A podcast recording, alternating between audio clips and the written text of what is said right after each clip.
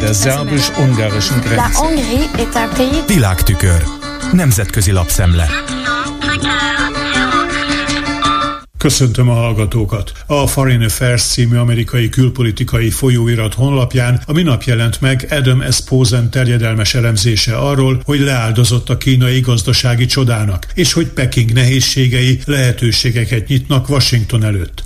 Talán véletlen, talán inkább mégsem az, a Politikó című amerikai hírportál európai kiadásának weboldalán tegnap sokáig az a cikk volt a vezető anyag, amely szerint Kína nem is annyira erős, mint azt a nyugat gondolhatja, és hogy miközben Xi Jinping gazdaságpolitikája egyre kevésbé meggyőző a nyugati vállalatok szemében, lassan a politikusok is kezdenek felébredni. Az amerikai médiában a jelek szerint tehát olyan irányzat bontakozik ki, hogy megpróbálnak mint egy lelket verni az eddig megállíthatatlannak látszó globális kínai nyomulás miatt aggódó közvéleménybe, illetve döntés előkészítőkbe. A Foreign Affairs szerint a gondok az idei második negyedév végén jelentkeztek. Kínában lefelé tartó pályára került a növekedés üteme. A gondok súlyát jelzi, hogy a korábbi szint töredékére csökkent mind a tartós fogyasztási cikkek vásárlása, mind a magánszektor befektetési rátája, miközben szárnyalni kezdett a háztartások megtakarítási szintje. Ezek a trendek azt tükrözik, hogy növekszik az aggodalom a javakhoz való hozzájutás megnehezülésétől, és előtérbe kerül a rövidtávú likviditás szempontja a befektetések rovására. Az Egyesült Államokban és másút az említett mutatók a Covid világjárvány után visszaálltak a korábbi szintre, Kínában azonban nem. Az autoritár rezsimekben a gazdasági fejlődés előre kiszámítható minta szerint alakul, olvasható az eszmefuttatásban.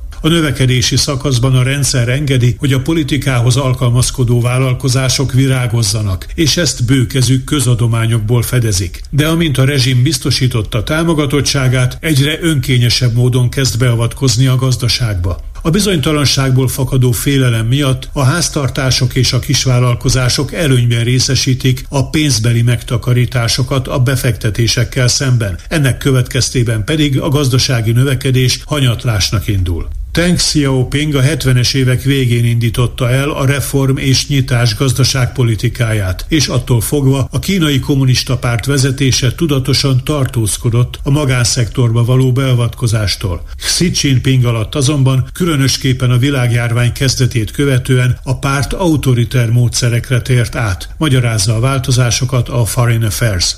A politikó hasonló gazdasági indikátorokra hivatkozik, kiegészítve például azzal, hogy Kínában kockázatos szintre emelkedett a munkanélküliségi ráta a fiatalok körében, ami értelemszerűen szintén a perspektíva hiány egyik fokmérője. A portál azt emeli ki Xi Jinping gazdaságpolitikájának új szóleleménnyel a Xiconomics-nak az elemei közül, hogy erősen preferálja az állami szektort, és a magánszférán belül a technológiai óriás vállalatokkal szemben lépett fel a legradikálisabb módon, holott általános vélekedés szerint éppen ezen a területen a legjobbak Kína versenyesélyei.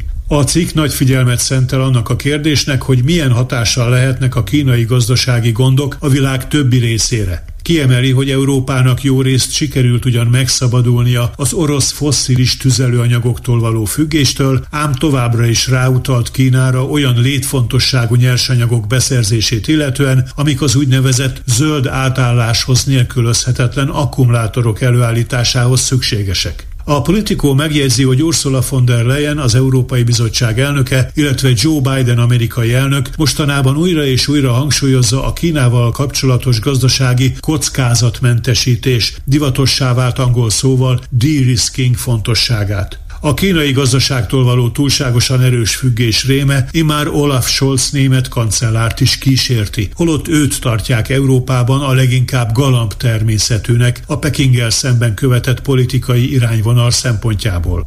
Giorgia Meloni olasz miniszterelnök éppen arra készül, hogy kivonja országát a kínai Sejemút infrastruktúra projektből. Az elmúlt hetekben Emmanuel Macron francia elnök kormányzata is kritikusabb hangot kezdett megütni Kínával szemben. Látva mindezt, a pekingi kormányzat újabban igyekszik kevéssé fagyos magatartást tanúsítani a nyugat iránt, és ez vonatkozik az ősrivális Washingtonhoz való viszonyulásra is. Az elmúlt hónapokban több amerikai tisztségviselő, köztük Anthony Blinken külügy és Janet Yellen pénzügyminiszter járt Kínában, valamint egy név nélkül idézett diplomata szerint EU-kínai csúcs találkozót is tervbe vettek. Levezetésként nézzük, hogyan látja a Bloomberg azt a kérdést, miért nem képes megállítani Svédország és Dánia a korán égetéseket. Az erről szóló elemzés, amelyet a The Washington Post is átvett, megírja, hogy a svéd bűnüldöző szervek ugyan megpróbálták elejét venni az ilyen akcióknak, mondván azok növelik a terrorveszélyt, ezt az érvelést azonban a bíróságok lesöpörték, arra hivatkozva, hogy minden tiltakozó akció megengedett mindaddig, amíg nem veszélyeztetik közvetlenül és azonnali jelleggel a közbiztonságot. A Dán rendőrséget hasonló módon azok a jogi előírások tartják vissza, amelyek csak az erőszak közvetlen veszélye esetén engednék a beavatkozást. Más országokban ezt a jogi szempontot ellensúlyozza a vallási gyűlölet szításának tilalma, például Angliában és Walesben, illetve a vallási jelképek meggyalázásának a tilalma, egyebek közt Németországban, Olaszországban, Lengyelországban vagy éppen Finnországban. Ez volt ma a Nemzetközi Média Szemle Kárpáti Jánostól. Köszönöm a figyelmüket. Hungary's government sees building it. Der szerbus-ungarischen Grenze. Nemzetközi lapszemlét hallottak.